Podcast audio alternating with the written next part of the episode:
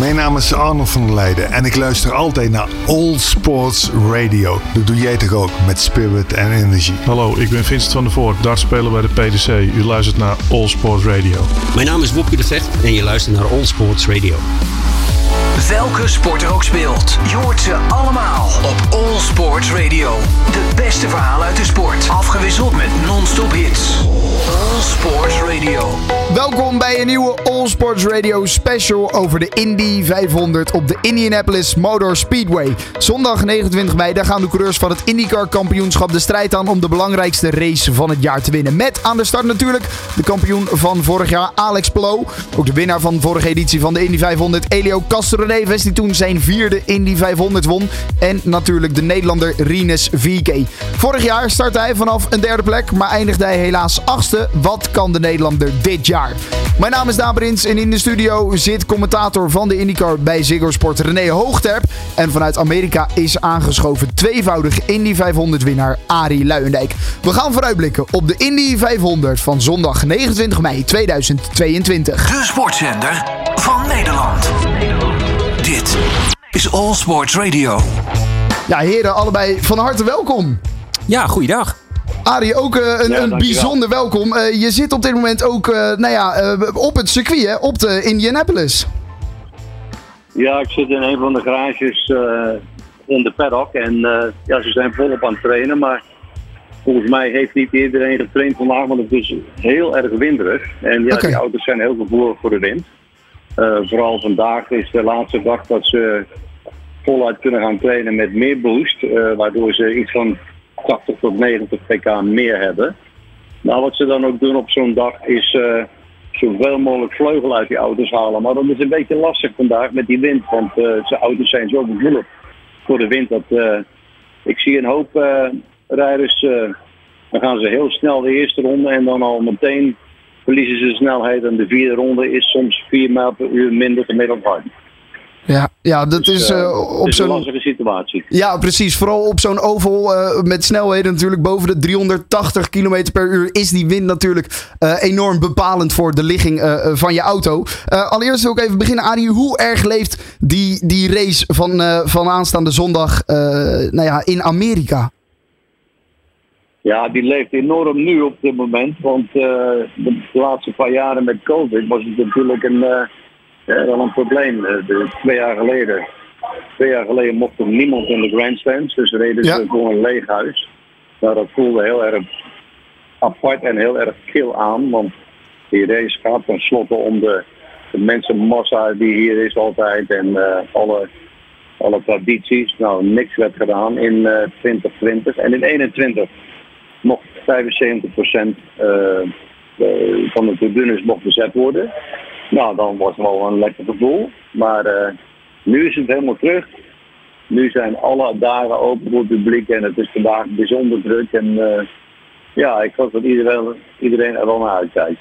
Ja, dat, eh, dat kan ik me voorstellen. De spanning wordt enorm opgebouwd met bijzonder veel trainingssessies. Eh, de kwalificatie dan eh, een weekend voor de race. En dan heb je nog na de kwalificatie een hele week om naar die race uit te kijken. Hoe, hoe zit dat in Nederland, René, met de spanning voor die Indy 500? Het leeft denk ik ietsjes minder dan in Amerika natuurlijk, hè? Nou, kijk, het, het, het aardige is van, of het aardige, het is, het is een geweldig autosportevenement. En, en we kunnen het zelfs breder trekken dan dat. Het is, het is een ongelooflijk groot Arie zei het al, eh, eindelijk voor het eerst sinds 2019 weer volle bak eh, Ja. mensen op de tribune. We hebben het dus over bijna 400.000 man. Het is het grootste sportevenement ter wereld. Dus vergeet de Super Bowl, dit is echt enorm. Eh, maar in Nederland, kijk, natuurlijk in 2020 hebben we ook de debuut van Ja. Rinus Vierke, Rinus van Kalmthout eh, gehad. En als je ziet hoe sterk hij opereert en Arie natuurlijk als, Arie als, als coach, dus de beste coach die je maar kunt wensen. Dat heeft, Rinus heeft alle lessen heeft hij gepakt. Want eh, als je in het eerste jaar op de tweede startrij begint en vorig jaar begin je als derde Ja. en je, je rijdt gewoon in de openingsfase rij je gewoon heel vaak gewoon mee aan de kop van het veld. En ook als je nu ziet in die trainingstijden eh, hoe goed hij erbij staat. Ik vind het eh, ontzettend knap. En in die tijd, sinds Rinus er is, leeft het ook gewoon veel meer in Nederland. En dat is terecht, want in mijn ogen is IndyCar gewoon de meest spectaculaire vorm van formule racerij die je maar kunt wensen. Dus eh, de diversiteit is geweldig. En eh, de, de Nederlandse fans die omarmen het ook steeds meer. En, en terecht. Ja, het, leeft eh, enorm. Merk je dat ook in, in de paddock, eh, Arie? Dat, dat sinds Rinus meedoet, dat ook nou ja, de, de Nederlandse, misschien iets meer nog de Europese draai, dat, dat je die ook meekrijgt in dat Amerikaanse circus? Want dat is het natuurlijk wel. Ja, absoluut. Want het is natuurlijk niet alleen Rinus die hier eh, rijdt, maar je hebt Callum Elliott. Ja, Eh, bijvoorbeeld, je hebt eh, Christian Lundgaard uit Denemarken. Waar komt Elliott eigenlijk vandaan? Ik geloof Ierland, hè? Of niet? Anyway. nou ja, Alex ja, eh, Spanjaard. Ja, nee, I- Alex Islet, Palou. Islet, ja, Islet die komt uit, eh, ja, no- nou, in ieder geval aan de andere kant van de plas. Maar Ja. er zijn heel veel Europeanen. Ja. Loenkaart inderdaad ook, ja. Ja, Palo, Ericsson, eh, je noemt maar op. Dus je hebt heel Ja. veel interesse van de fans natuurlijk ook, vanuit Europa hierheen. En eh, zoals jij al zei René, het is een hele, eh, de diversiteit is geweldig in deze serie. Waarbij je rijders van, van overal hebt. Maar je hebt ook wedstrijden, je hebt kleine overs, je hebt super speedways. Je hebt gewone circuits, je hebt uh, stratencircuits.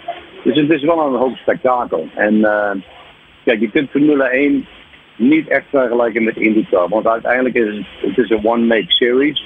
We hebben twee motoren, we hebben Chevrolet en we hebben Honda. En eh, in Formule 1 gaat het meer om de techniek dan om het spektakel. Ja. En IndyCar als, als governing body, die zegt, wij willen races hebben waar, me- waar we close racing hebben. En we willen zoveel mogelijk het eh, materiaal gelijkwaardig houden, zodat we close racing hebben. En dat is het doel en dat hebben ze natuurlijk wel bereikt. Maar Formule 1 is in dat opzicht meer, gaat het over de techniek en niet zozeer om, alhoewel dat gaat nu ook een beetje veranderen met Li- Liberty Media, dat, eh, dat ze echt nu wel denken aan, we moeten wat betere races creëren voor de fans. Precies, ook daar komt dat show-effect eh, eh, steeds meer naar boven drijven, inderdaad. Eh, wat maakt die Indy 500 nou het allermooiste evenement van het jaar? Jij loopt daar op dit moment rond, eh Arie. Wat maakt dat het mooiste evenement? Ah, ik, denk, ik denk dat het is zo'n traditiegedreven evenement. En de Amerikanen houden zich graag aan de oude tradities. Dus als er iets veranderd wordt, dan is er al best wel wat ophef over. Eh, bijvoorbeeld de qualifying procedure is ook veranderd. En daar was weer een hoop eh, tegenstrijd van de fans uit. Maar uiteindelijk, ja, de tradities is hier, eh, staat voorop. Maar ook het spektakel. Kijk, uiteraard vroeger, en niet zoveel meer gelukkig. Want vroeger had je nog ongelukken en dan had je hele grote ongelukken. En je had brand en je had mensen die overleden en het was gewoon waanzinnig. Je zou denken van nou, wie wil nou aan zoiets meedoen? Weet je wel. Ehm, en zo dacht ik vroeger ook wel. Ik denk van jeetje, Mina. Ik kwam hier eh, voor het eerst in 1984 kijken. En eh, ze klapte in de muur turn 1 en ik stond daar te kijken. Ik denk, nou, ik weet niet of ik dit wel wil doen. Want de ongelukken zijn enorm en de gevaren waren heel groot. Dat is iets minder geworden met de veilige auto's. Met de aeroscreen die we nu hebben. Ja. Ehm, de, en de aeroscreen heeft zichzelf al meerdere malen, net als de Halo trouwens, al meerdere malen bewezen. Ehm, dus wat dat betreft is het gelukkig niet zo erg meer. Maar dat, dat, dat allemaal heeft ertoe bijgedragen aan die, die mystiek van de Indy 500. Snelheid, gevaarlijk. En dat is wel aanspreekt. Dat spreekt wel aan tot de grote massa dan, die niet echt autosportfans zijn. Want er zijn natuurlijk veel mensen die onder die 400.000 hierheen komen. Dat zijn niet echte racefans, maar die komen alleen maar voor het spektakel. Ja. Hoe- was dat voor- jou? Jij bent eh, de enige in dit gesprek die kan zeggen hoe het is om met eh, 380 km per uur over een oval te rijden. Absoluut. Eh, ja, René en ik zouden misschien wel willen, maar eigenlijk ook niet durven. Eh, want dat is het natuurlijk. Hè. Als je het ziet, is het, is het levensgevaarlijk. Je zei het zelf ook, eh, in 84 was je daar voor het eerst. Toen zag je het, dan lijkt het levensgevaarlijk. Uiteindelijk heb je er gewoon twee gewonnen, in 1990 en in 1997. Wat is het gevoel als je instuurt naar links met 380 km per uur? Nou, dat is een beetje moeilijk uit te leggen, maar ik zeg altijd zo van, eh, het is, eh, ja, ja, de snelheid hier op de hoofdweg is 55 mijl. En ik zeg altijd tegen mensen, stel je voor dat je vier keer zo hard gaat. Dan weet je ongeveer hoe het aanvoelt. Misschien. Ja. Maar het is natuurlijk zo op Indy. Je kunt, eh, net zoals nu is 2.31 is de snelste tijd. Uh, als ik in een auto zou stappen vandaag en ik rijd 2.25, dan is dat best makkelijk te doen. Want die auto's zijn gemaakt om linksaf te gaan. Die zijn gemaakt om op die banking de wegligging te hebben. Maar zodra je steeds meer vleugel gaat uittrimmen en die komt naar de 230 toe, dan begint die auto als het ware een beetje te zweven. Die voelt niet helemaal planted, weet je wel. Die voelt niet alsof hij vast zit aan het wegdek. Die auto voelt alsof hij een beetje wil gaan zweven.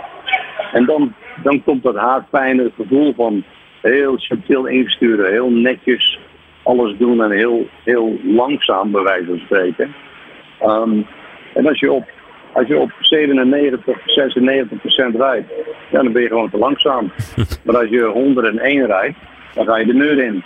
Dus dat, dat verschil tussen ik ben safe en ik zit in de muur, dat verschil is niet heel erg groot.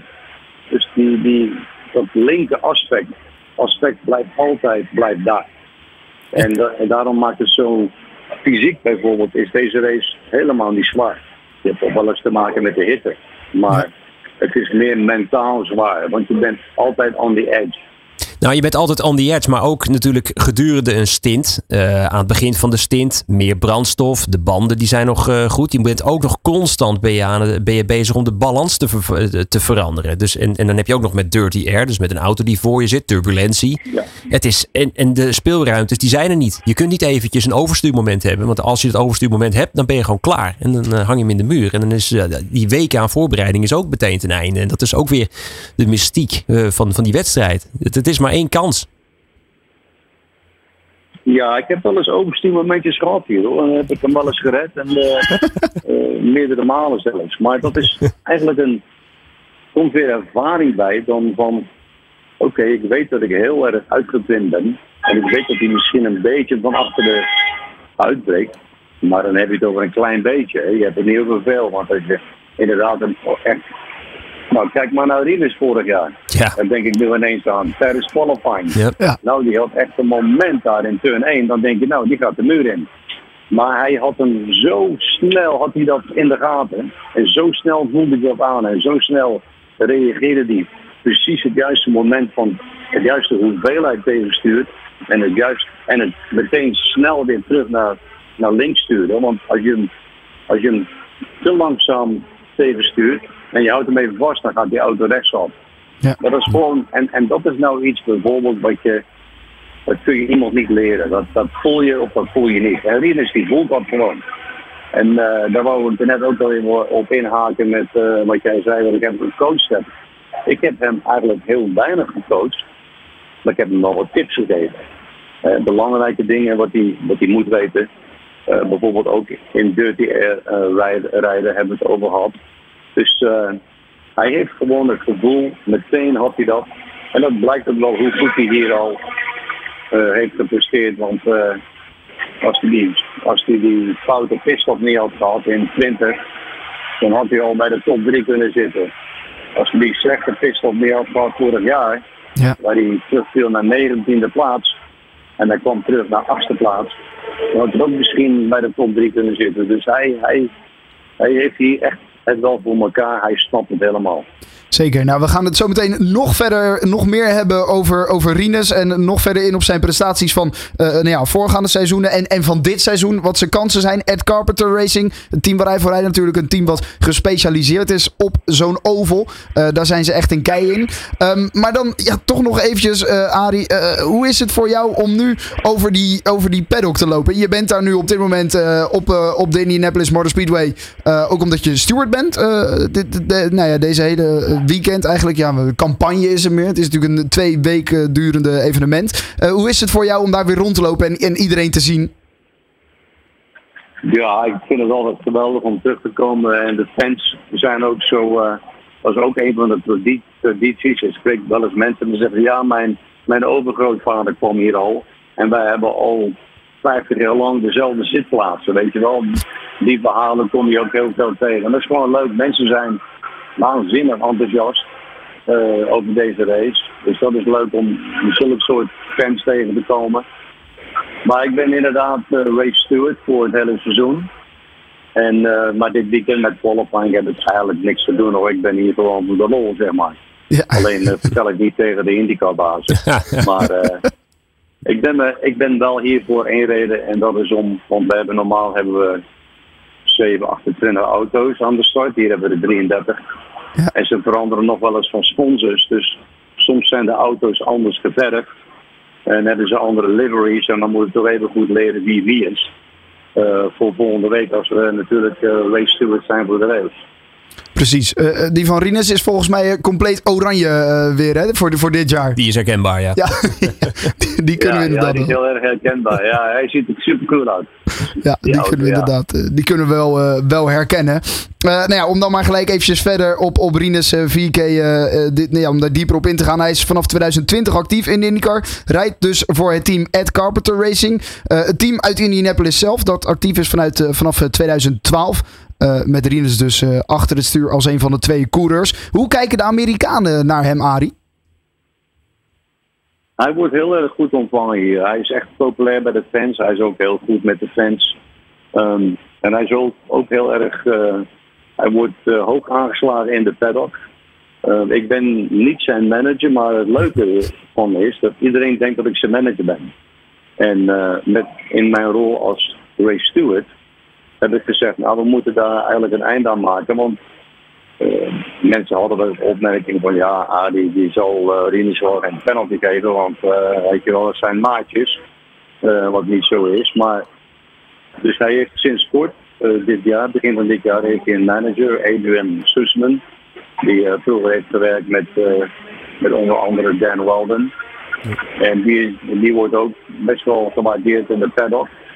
Maar na de race in Barber, waar Rinus dus echt de eerste 60 ronden domineerde, ehm, kreeg ik een tekst van drie verschillende teams van hey, eh, heb jij het nummer van Rinus voor ons of eh, wil je over Rinus praten? Oké. Nou, ik ben zijn manager niet. Ik ben zijn manager niet. Dit is zijn manager, bel hem. Dus eh, hij is, op dit moment ligt hij heel erg in de markt. En, en ik kan gerust zeggen dat alle teams zitten achter Rinus aan, want ze herkennen gewoon het talent. Ongelooflijk, want eh, hij heeft een aflopend contract. Na dit jaar eh, zit zijn contract erop. Eh, en is die dus nou ja, te halen voor andere teams. Maar ik hoor het ook, ik wilde vragen hoe ligt hij in de paddock. Maar het, gaat, het gaat wel goed. Zijn naam gaat daar flink rond, hoor ik dus al. Ja, nee, dat gaat prima. En ja, het was natuurlijk jammer in Barber dat hij dus de, de nou, eigenlijk door een achterblijven was hij zijn eh, twee seconden voorsprong bijna helemaal kwijt. Ja. En eh, toen met de pitch uitrijden, hij was gewoon vergeten die push to pass eh, in te drukken, dat knopje. Anders had O'Ward hem niet voorbij kunnen gaan. Dat zei hij inderdaad ook nog. Eh, en, eh, maar ja, toen zei ik tegen hem, ik zeg, heeft dan niemand van het team vanaf de pits gezegd van use your push to pass? Zegt hij, ja, nee, heeft niemand gezegd. Ik zeg, ja, dat is dan is toch een fout van het team. Hè, nou, in vele opzichten is het toch een teamsport. Ja. En eh, dat is jammer dat niemand van de, van de, vanuit de pitch heeft gezegd van eh use your push to pass. Dus, want hij had genoeg eh, seconden over. Je krijgt 200 seconden per race. Hij had er genoeg over dus. Misschien even goed voor de mensen die niet in die car kijken. eh push to pass. We hebben, je hebt in eh, eh, Formule 1 heb je DRS. Dat is dat je de achtervleugel Ja. kan open, openklappen. In de IndyCar heb je een push to pass. Waar je inderdaad dus ongeveer 60 pk extra hebt. Maar die kun je dus, in, die kun je dus ook activeren als je niet de achterliggende auto bent. Je hebt gewoon 200 seconden bijvoorbeeld bij een race. En die kun je wanneer je maar wilt. Nou ja, met een paar uitzonderingen, maar voor zwa. Je zou hem dus kunnen gebruiken ter verdediging of ook als aanval. En dat is precies wat Rinus toen Ja. vergeten was, helaas. Ja, dat, dat was inderdaad zonde. Het was wel een geweldige race voor hem. Al toen eh, hij had zich eh, gekwalificeerd op pole position. Eh, lag eigenlijk twee derde van de race, de eerste 66 rondes eh, eh, voor. Lag die eerste. Eh, en toen na de tweede eh, pitstop ging het mis voor hem. Eh, inderdaad, eh, nou ja, tegengehouden een beetje door een achterblijver. Die niet zoals in de Formule 1 een blauwe vlag krijgt. En, en je voorbij moet laten gaan. Dat is allemaal net wat anders eh, in Amerika en eh, bij de IndyCar. Wat zijn de krachten van Rines, René? Ehm, ik denk de kracht van Rinus is, is dat hij ontzettend nuchter is. Ehm, dat één. En dat hij ook, ik denk de echte toppers, die komen terug op het moment dat het eventjes tegen zit. Eh, want eh, natuurlijk, hij heeft dit jaar heeft hij een, geweldige seizoenstart gehad. Ja. Maar laten we eerlijk wezen, dat had hij vorig jaar ook. Maar toen ging het eventjes niet zo lekker. Hij is eh, van zijn fiets gevallen. En daarna kwamen de, de, waren de resultaten waren er gewoon niet. En natuurlijk, er werd altijd gezegd dat die val er niks mee te maken heeft.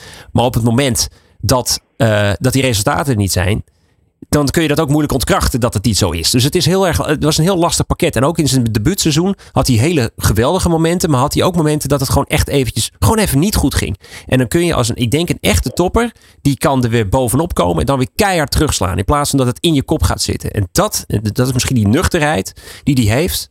En nu ook weer. Ik bedoel, aan het einde van vorig jaar was het wel echt zo. Ja, maar dit, dit jaar 2022 moet, Moet echt, beter. moet echt goed zijn hoor. En Ja. meteen staat hij er. En dat hij dan in Barber zo dominant eh, was. En nou, uiteindelijk een podiumpositie. Waren we teleurgesteld met de podiumpositie? Ja, dat eigenlijk is, dat, wel. is, dat, is Ja. toch, dat is toch eigenlijk briljant.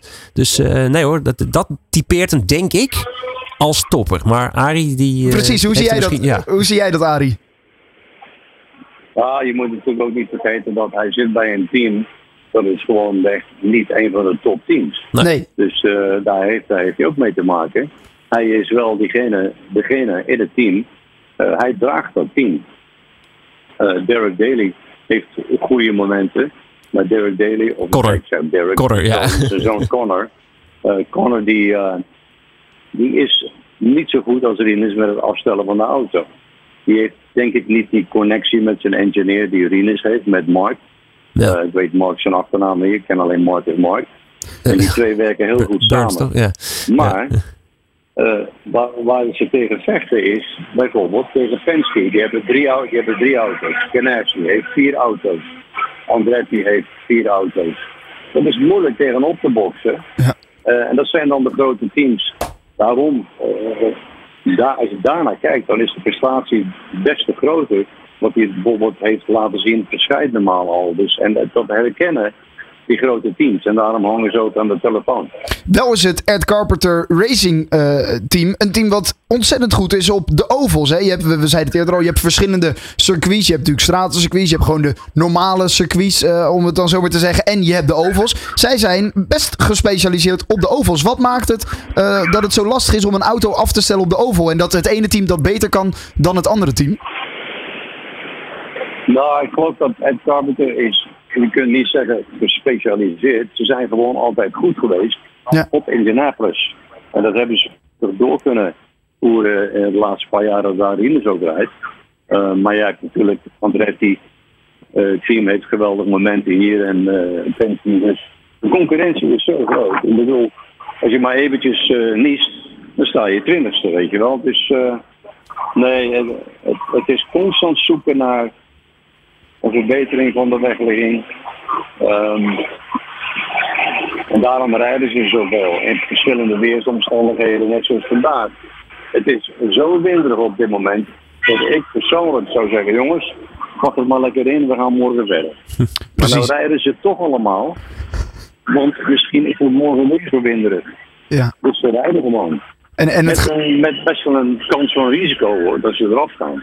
Ja, want het is ook zo, die auto die wordt bijna speciaal opgebouwd voor zo'n ovalcircuit. Als je die de muur in rijdt, heb je eigenlijk, zeggen ze nee, nooit meer de auto zoals die daarvoor was. Het is, eh, volgens mij was het eh, in de testsessies een paar weken geleden. Elio Castroneves, die crashte zijn auto. En dat is niet zomaar een auto. Dat was de racewinnende auto van vorig jaar. En toen hebben ze ook bewust gezegd, eh, volgens mij konden ze daarna konden ze ook snel die auto opbouwen. Dus ze hebben bewust gezegd bij het team van Meyer Shank Racing van nee, we gaan ons echt de tijd nemen. We gaan elk boutje, elk moertje, elk dingetje gaan we helemaal minutieus checken. En niet snel repareren met het risico dat hij net niet zo goed of zo stijf is. Of weet ik veel wat voor details erin zit. Om, om alles maar zo goed, goed dus mogelijk af te stellen. Dus je, je wil ook niet in die laatste dagen je auto in de muur zetten. Het, het luistert allemaal zo Ja. nauw. Ja, kan niet af zijn. was dat toen in de jaren negentig, toen jij eh, daar reed, ook al zo erg? Ja hoor, ja. Ja. Stel, je, stel je voor dat je...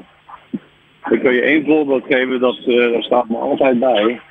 Dat we de rijhoogte veranderen met 2500 of 2500 of een inch. Nou, dat is heel weinig. Misschien een millimeter. ja. En dat maakt gewoon een beeld van verschil in die auto aansluiten. Want, want wat, zijn er nog een, ba- een bandenspanning bijvoorbeeld. Ja. Een, een pond eh, meer rechtsvoor transformeert de auto bijna.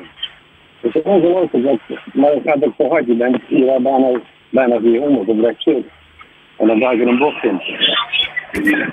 Ja, dat, dat, dat is inderdaad uh, ongelooflijk. Uh, je, je, we, we, hebben een half uurtje uh, met jou, Arie. Want je, je bent uiteraard druk daar, daar in Amerika. Dat, dat begrijpen wij ook. Maar, maar toch hebben wij ja, één ik vraag. Nou tussen, ik loop nou tussen de fans door naar waar ik moet zijn om half ja, ja, ja. En ik weet niet of je het allemaal hoort, maar ik heb nog steeds oorpleuren in. Maar... Nou, we horen inderdaad steeds wat meer rumoer en, en, en, en wat herrie op de achtergrond. We hebben nog, nog één belangrijke vraag uh, die we eigenlijk maar aan één, aan één uh, Nederlander uh, kunnen stellen. Dat is namelijk misschien wel belangrijk voor Rinus. Hoe win je een Indy 500? Je hebt hem twee keer gewonnen. Hoe win je hem? Met een beetje mazzel. alles, alles moet kloppen. Lekker pitstop. Want dat zag ik vorig jaar met Rinus. Gaat één pitstop gaat fout. Ja. Ja, weg. En dat was altijd nog zo en dat is nog steeds zo. Ja. Je moet ook een beetje mazzel hebben met de yellow. Je kunt domineren. En dan valt net de yellow op het verkeerde moment. Dat jij al net getankt hebt. Maar, maar de anderen die profiteren van de yellow. En dan ben je ook zeg maar. Dus ja, het, het hangt van zoveel dingen af.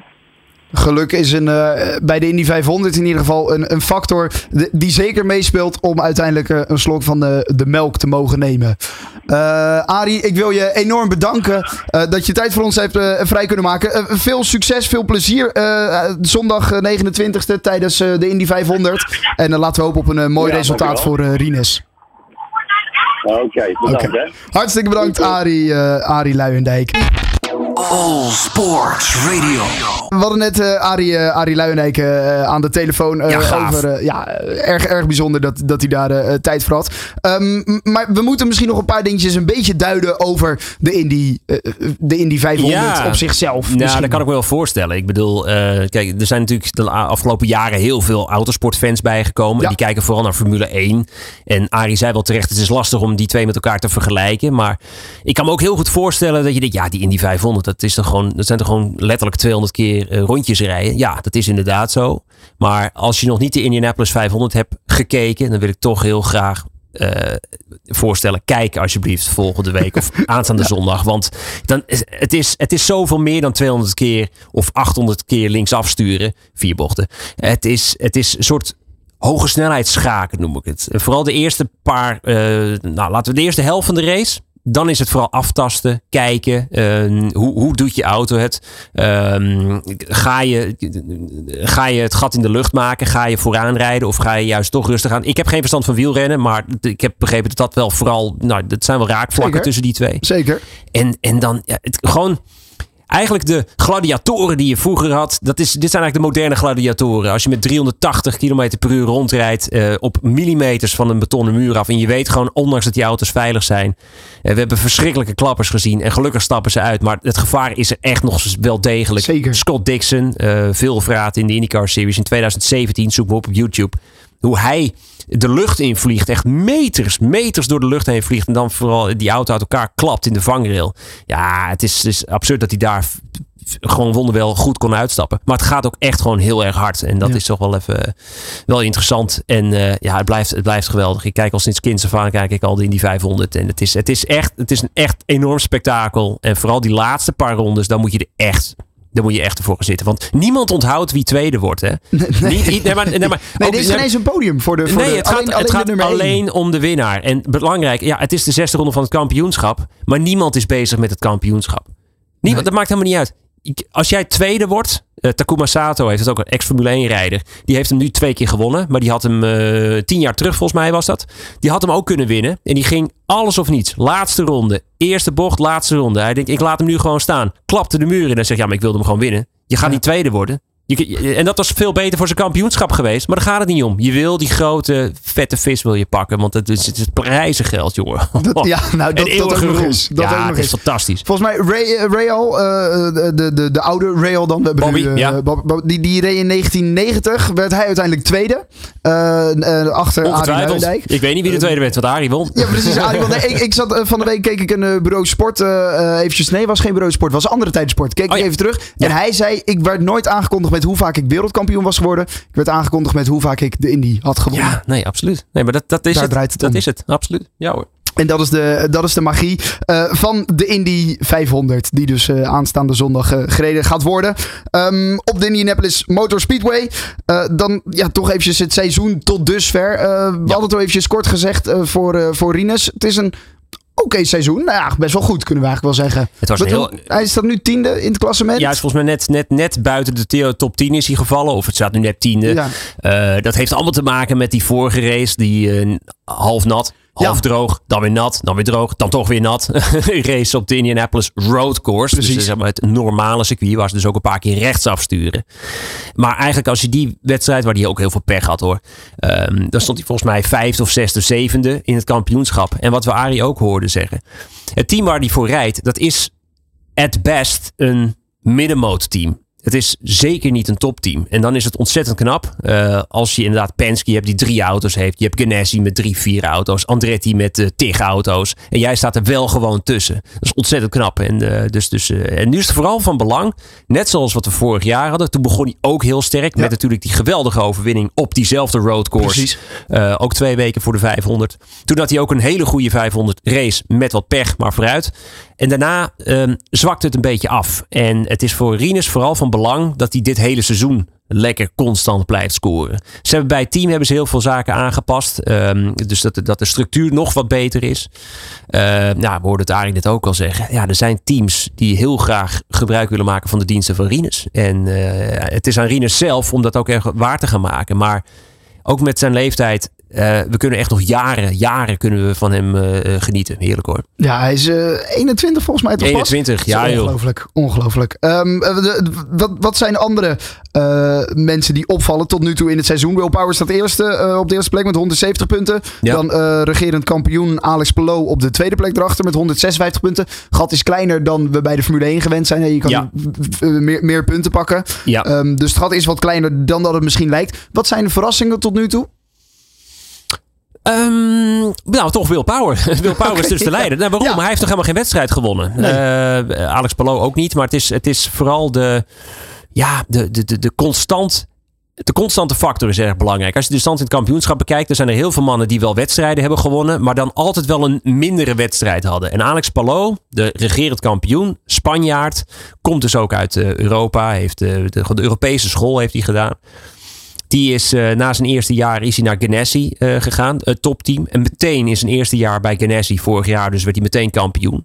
Door vooral constant te blijven scoren. Het gaat niet om jouw beste race. Het gaat om hoe goed jouw slechtste race is. En zo heeft hij vorig jaar heeft hij dan op een hele mooie, bijna op Scott Dixon-achtige wijze. De, de, de, de, de, de, grote kampioen binnen het veld. Heeft hij dus eh, het kampioenschap gepakt. En nu doet hij het ook goed. En Will Power is, is ook gewoon ontzettend snel. Joseph Newgarden heeft twee keer gewonnen. Maar we hebben ook gewoon nieuwelingen. Uh, Palo was een nieuweling. Uh, McLaughlin. McLaughlin won de eerste race gelijk van het seizoen. En had ook uh, op een uh, metertje of acht na ook de tweede race kunnen winnen. maar toen was het zijn teamgenoot die hem pakte. Ook een geweldige wedstrijd in Texas. Het, dus het is een hele mooie mix van ervaren mannen. Uh, Will Power is toch wel echt eind, eind 30. Volgens mij is hij al bijna ja. richting nou, volgens mij is hij al 40. Nou goed, in ieder geval. Kan hij nog lang meegaan?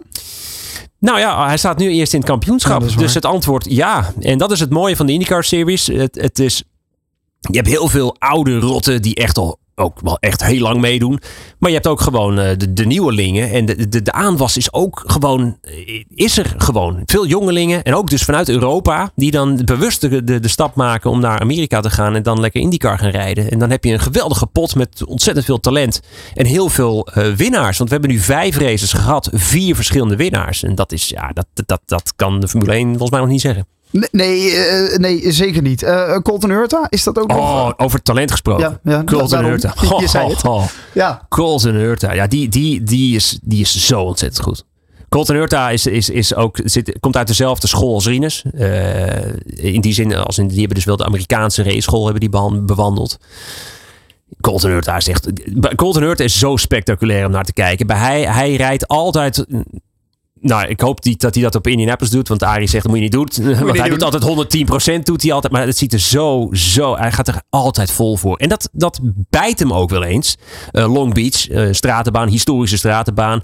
Had hij gewoon een goede kans op een goede klassering. Misschien wel de overwinning. Maar door gewoon te veel risico te nemen, klapte hij hem in de muur. En vorig jaar is het dat ook wel vaker overkomen. Ook eh, dit jaar ook nog bij de, de prachtige roadcourse van Barber Motorsports Park. Maar Colton Hurta ja, is, is echt een van de grootste talenten van het veld. Ja, en die wordt natuurlijk nog steeds gelinkt om misschien toch richting de Formule 1 te gaan. Ja. Dat, eh, die zou heel goed ook mee kunnen draaien in de Formule 1. Maar liever niet, want dan zijn we hem kwijt. Precies, en het is een, een geweldige racer om, om naar te kijken.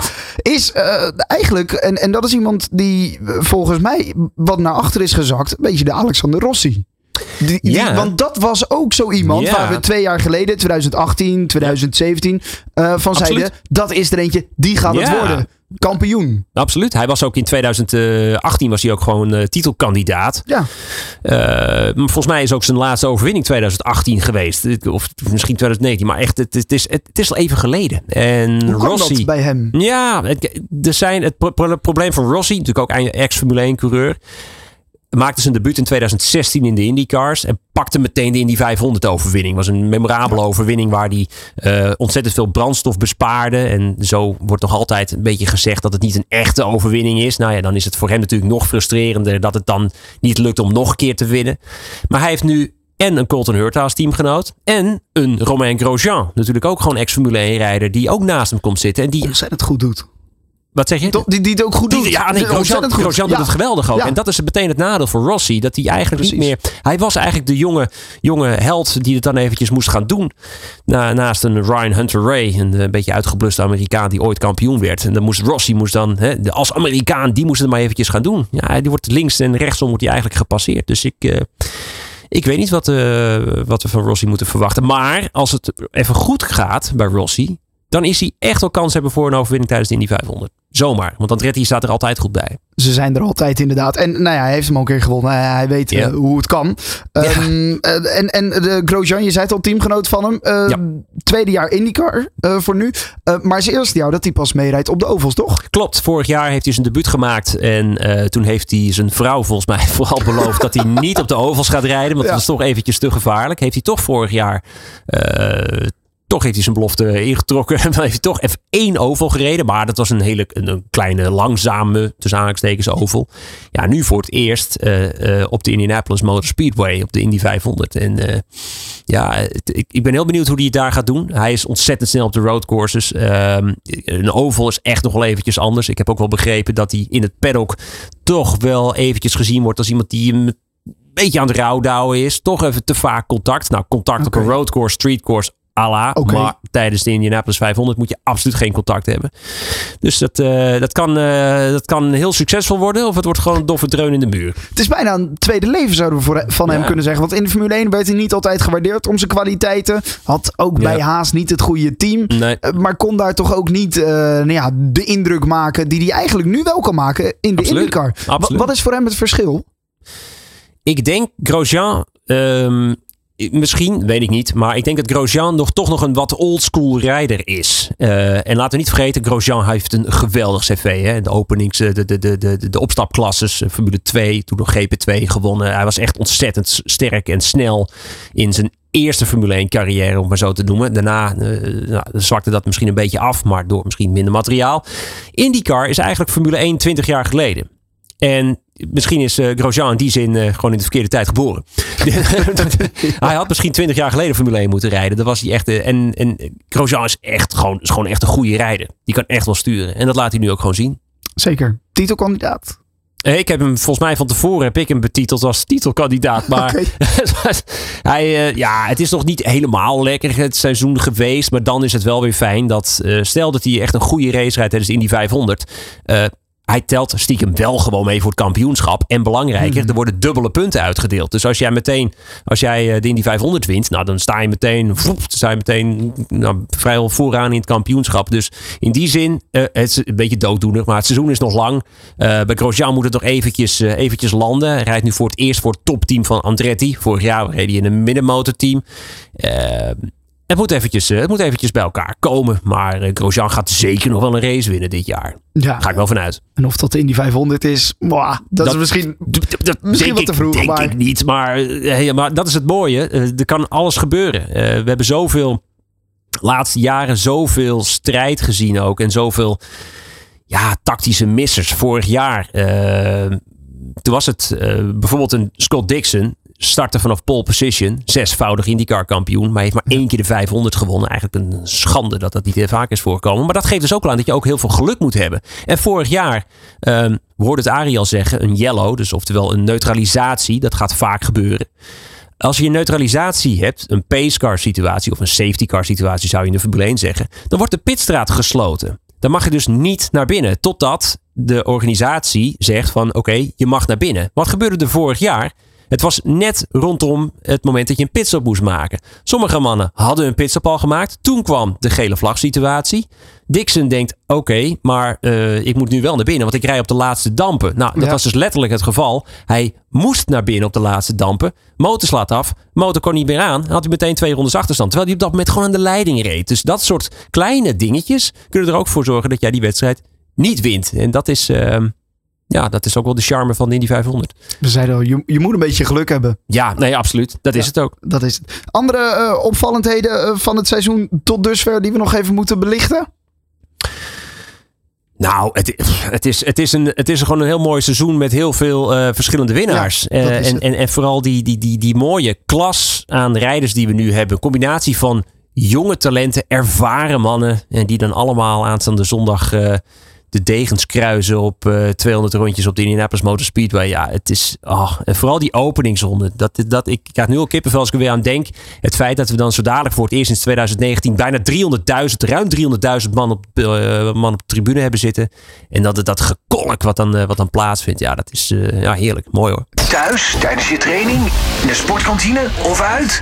Dit is All Sports Radio. Zondag 29 mei. Dan gaan ze van start met de Indy 500 man die hem al vier keer heeft gewonnen aan de start staat. En als eerste uh, de vijfde uh, overwinning ja. kan pakken op de Indy 500 is Elio Castro Neves. Uh, Levende legende. Dat is het. Ja. Levende legende. Echt. Ik vind het zo'n mooie vent. ja, hij heeft hem al vier keer gewonnen. Kijk, dat je hem één keer wint, dat, dat is al uniek. Dat je hem twee keer wint, zoals Ari onder andere. Dat, zijn er dat, ook niet veel. Dat, nee, zijn er die, zeker die niet meer, veel. Nee, nee, gewonnen. Zijn er echt niet nee, heel dus veel. Om, dat, Ari wordt moeten we echt veel meer koesteren. Want dat is echt ongelooflijk wat hij heeft uh, gepresteerd. Maar als je hem dan dus vier keer wint, als Elio ja. Castaneves zijnde, ja, dat is ongelooflijk. En vorig jaar, het was voor het eerst sinds 2009 dat hij dan weer, uh, weer won. Op zijn, hij is nu 47 volgens mij. Maar hij ziet er nog steeds uit als 27. Dus dat maakt ook niet uit. Maar hij is zo, zo geslepen. En precies op het moment toeslaan dat het moet. En hij is er dus nu ook gewoon weer bij. En uh, hij zou hem zomaar weer, voor, weer kunnen winnen. Ik bedoel, hij, hij kent het trucje. Jaar, tuurlijk, ja, ja. kent hij dat wel. En uh, dat is wel heel erg interessant. Maar hij is niet de enige voormalige winnaar hoor. Want er zijn acht voormalige winnaars. Natuurlijk Elio Castaneves uh, die, erbij, uh, die erbij is. Uh, Juan Pablo Montoya, ja. ex-Formule 1 rijder. Heeft hem ook twee keer gewonnen. Die, is erbij. Die, die, doet eigenlijk alleen dit, Die toch? doet Want, alleen dit, Ja, en ja. De, de, dan de, de roadcourse van... De- om een beetje warm te een beetje, draaien. beetje warm draaien voor de Indy 500. En, en hier staat hij dan aan de start. En verder... eh, Ja, dan, ja, ja gewoon lekker, eh, lekker in die 500 meesturen. Ja. En, eh, en, en dus met zijn ervaring kan hij ook gewoon heel ver komen. Takuma Sato won in 2020 zijn tweede, eh, eh, zijn, zijn tweede Indy 500. En dan vervolgens dus vijf mannen die deze race eenmaal hebben weten te winnen. Eh, Dixon, schande nog steeds dat hij maar een keer heeft weten te winnen. Tony Kanaan, ook publiekslieveling trouwens. Eh, Alexander Rossi, waar we het net al over hadden. Will Power, die hem in 2018 won. En in 2019 won Simon Pagenaud. Pagenaud is dus nu de teamgenoot van Elio Castroneves. En vorig jaar reed Castroneves voor hetzelfde team waar hij nu ook voor reed. Maar had hij een beetje moi teamgenoot. Nu heb je dus gewoon in het team twee voormalig in die 500 winnaars. Dus ik, ik, ik zou hem best wel aandurven dat Elio gewoon de vijfde pakt hoor. hoe zit dat? Moeten die elkaar helpen? Of werkt dat elkaar een Ehm, beetje tegen? Tot ronde nummer 170. Ja, Help je elkaar? Ja, oké. En dan is de handschoenen uit. Dus ieder voor zich. Dat maakt het niet uit. Nou, dat maakt dan Geen eerste, tweede coureur. Niemand die even lift in de laatste bocht. Zeker niet. Nee. Zeker Nee. niet. Nee, nee, nee. Dat is ieder voor zich. Ieder voor zich. Absoluut. Nou ja, en, en dat, dat wordt dus een, een hevige strijd daar. Wel kan je elkaar verder brengen. Met afstelling misschien. Of is dat toch nog te persoonlijk? tuurlijk. Nee, nee, nee, nee, zeker. Nee, dat, en dat is ook wat Arie ook terecht zei. Ehm, als je Penske of Ganassi, dat zijn de twee grootste teams. Andretti dan ook. Je hebt eigenlijk drie echt grote teams. Die hebben ook heel veel auto's. Er wordt natuurlijk heel veel data wordt er dan gedeeld. Ehm, als je eh, het team van Ed Carpenter Racing, waarbij Ed Carpenter zelf ook meedoet. Die rijdt nu ook de ovals mee. Hij is echt een oval specialist. En die kennis van Ed Carpenter zelf zorgt ervoor dat zowel Rinus 4K als Connor Daly, zijn teamgenoot. Ja, dat ze met z'n drie elkaar kunnen helpen. Maar ja, als je dan een, een Andretti hebt die misschien wel zes auto's hebben met, eh, met inclusief partnerships en dergelijke. Ja, dan, dan, dan je hebt die data nodig. Uh, er wordt heel veel gereden, maar uh, als jij de verkeerde kant, het zit echt in de details. En dus is het ontzettend belangrijk dat je die data deelt. Ja. Had Pole Positions nog uh, 2020, Ed Carpenter zelf? Hij heeft volgens mij drie Toch? keer pol getraind. Niet in 20, maar wel in 19. Nou, hij heeft volgens ja. mij drie keer pol getraind. Hij staat er altijd goed bij. Ed Carpenter staat er altijd goed bij. Alleen hij moet, hij moet hem even een keertje winnen. En ik zou het Ed Carpenter ook ontzettend gunnen trouwens hoor. Want het is uh, niet op de eerste plaats omdat hij Rinus het stoeltje heeft gegund. Dat, hij, dat wij dus met z'n allen kunnen genieten als Nederlandse, ja. Nederlandse IndyCar fans. Maar uh, hele sympathieke vent. Uh, helemaal goed. Maar hij kan heel goed linksaf sturen. Uh, niet zo goed rechtsaf. En dat weet hij zelf ook. En dus heeft hij bewust gezegd, nou die roadcourses, die laat ik... Uh, links liggen. Ik ga gewoon links afsturen. Want dat is uiteindelijk de kunst. Om op zo'n oval. Want we zeiden het weer, maar zo makkelijk is het niet. Nee, tuurlijk is het niet makkelijk. Insturen op die millimeters. Nou, wat Arie heel terecht zei. Um, iedereen kan vier keer links afsturen. Hè? Dat, is, ja. dat is niet zo'n probleem. Maar, uh, uh, en dat je, hij, Arie zei het alsof het niks is. Joh, 225 mijl per uur, dat kan iedereen wel. Maar om naar die ja. 230 te komen, dat is nog krankzinnig hard, de 225. Maar 230 mijl per uur, dan gaan ze. Moet je voorstellen, uh, je kent al, dan ga ik toch weer naar Formule 1. Al die vleugels zorgen ervoor dat die auto neerwaartse druk heeft. Het is een omgekeerde, omgekeerd vliegtuig, zoals ze dat noemen. Die auto wordt op de grond gedrukt dat zorgt ervoor dat je heel hard de bocht om kan. Maar dat betekent dat je niet heel hard het rechte stuk op kan. Want je hebt gewoon ja. uh, weerstand, luchtweerstand. Ja, heel veel downforce. Wat ze dus, ja, en wat ze dus doen bij de IndyCar is dat ze gaan trimmen. Zo noemde Arie dat ook. En dat betekent dat die achtervleugel en die voorvleugel, die wordt naar het negatieve toe getrokken. Je dus gaat eigenlijk... je gaat half opstijgen. Je gaat gecontroleerd vliegen. Het is niet handig met een auto. Nee. Dus dat, is, dat geeft wel aan. En dat, dan stuur je dus in. En je hebt eigenlijk geen idee of die wel gaat insturen. En dan rij je wel 380 km per uur. Nou, dat is spannend hoor. Het zijn ook echt andere auto's dan voor de roadcourse. Ja, joh, de vleugels, achtervleugels, je ziet alles is anders. Als jij uh, nu even terugkijkt wat, wat we vorige uh, de kleine anderhalve week geleden hadden met op de roadcourse, dan heb je inderdaad die dikke vleugels. Ja. En als je ziet de Indy 500 package, dat is, dat is, nou, dat is een plintje. Dat is dan een achtervleugel. Ja, dat stelt natuurlijk helemaal niet zoveel voor. Uh, en sterker nog, die zorgt alleen maar voor lift. Als je die vleugel eraf zou halen, dan hebben ze meer neerwaartse druk dan dat je die vleugel er wel op doet. Want die vleugel zorgt ervoor dat er nog minder neerwaartse druk eigenlijk is, omdat er heel veel via de vloer gegenereerd wordt. Maar ja, het is, ik bedoel, een, een, een jumbo-jet die stijgt op bij 250 km per uur. Ja. Deze IndyCars die rijden nog 130 km per uur harder. Om even aan te dit is compleet van de zotte eigenlijk dit. En uh, ik vind het zo mooi hoe Arie erover kan praten. Hij heeft nog steeds het polrecord. Hij is nog steeds de allersnelste man. Ja. Hè? Uh, dat was voor mij 236 uit mijn hoofd. 236 mijl per uur gemiddeld. Dat doen ze al lang niet meer. Ze doen nu twee, ik denk dat ze 231 of zo uh, gaan, gaan aantikken. Ja, dat is, dat is steeds hard hoor. Maar uh, ja, ongelooflijk hoe Arie daar zo heel luchtig over doet. Alsof het niks is. Maar het is echt gekke werk eigenlijk. Heerlijk. Dus we zeiden net al, we, we, begonnen dit blokje met de kanshebbers van, voor, voor de overwinning. Toen zeiden we Elio Castroneves. We hebben andere winnaars genoemd. Ja. Rines kwam tot nu toe nog niet voor in het rijtje. Nou, nee, maar, Terecht, onterecht. Nee, ja, we, we, hebben hem al genoeg behandeld. Ja, nee, maar hij is zeker kans hebben. Tuurlijk is hij kans hebben. Maar alles moet meezitten. Ze gaan zes pitstops maken. Hè? En op het moment dat jij een fout maakt. Dat waren eerder de problemen bij hem. Ja, dat ligt dus niet eens aan hem. Ja, ja dus, dus uh, als je één seconde uh, langer stilstaat bij een pitstop. dan verlies je zomaar 100 meter. En dat is gewoon een kwart recht stuk. Dat ga je niet meer zomaar goed maken. Er kunnen heel veel auto's tussen zitten, namelijk. Dus het zit echt in de details. Het, je, wat Arie ook zei, je moet ook een beetje geluk hebben. Maar je moet ook vooral. Uh, uh, goede dingen tussen je benen hebben als jij 380 wil aantikken. Ja, kom op zeg. Maar dat is hij inmiddels, zou je bijna kunnen zeggen, gewend. Ja, uh, nee, ja. Hij, hij, heeft het al een paar keer meegemaakt. Wordt zijn derde India. Ja, klopt. Ja. ja. ja. Nou ja, de Drie vorige... keer scheepsrecht, toch? Drie, ja, dat zeggen we wel in Nederland inderdaad. Ja, het, het zou heel goed, uh, heel goed kunnen uh, voor hem in ieder geval. Uh, zondag 29 mei, als alles goed gaat qua weer. Want dat, was, dat is nog een beetje half-half afwachten. Het is altijd afwachten. En, en het is volgens mij... regen rijden ze gewoon niet. Nee, rijden ze niet. niet en niks. het is gelukkig al... Het is een, volgens mij een jaar of 15 geleden dat we voor het laatst regen hadden.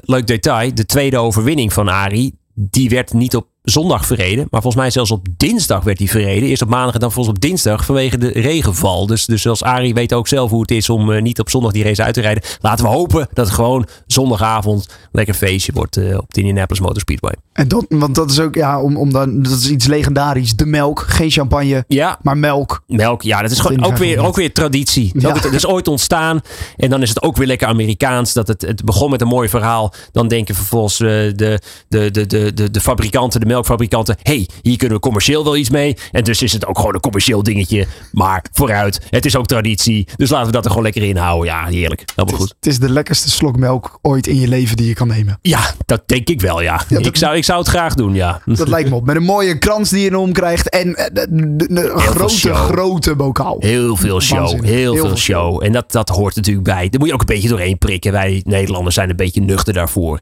Maar als je Houden dat we daar even toch niet een beetje van als we dat zo zien? als een Nederlander er staat, vindt het prima natuurlijk. Hè? Als Rinus op die auto klinkt. Ja, dat, dan- dan- dat, dat deed hij te- Ja, tweede- eh, eh, 2021. Ja, het is, ja, natuurlijk. Het is, maar het, het is ook wel heel veel show. Het is heel veel show. Alles ook voorafgaand. Het is een hele dag, het heel dagvullend programma. En het is, eh, het is, het is, een, het is ook een volksfeest. Hè? Wat, wat Arie ook heel terecht zei. Het zijn hele families die komen. Dat heeft te maken omdat het tijdens het eh, Memorial Weekend plaatsvindt. En dat is eigenlijk het vergelijkbaar met ons met eh, Bevrijdingsdag en eh dodenherdenking. Dat is in Amerika echt een, echt een big deal. Dat is gewoon een vakantieweekend. Eigenlijk die maandag erop. Dan is het de Memorial Day.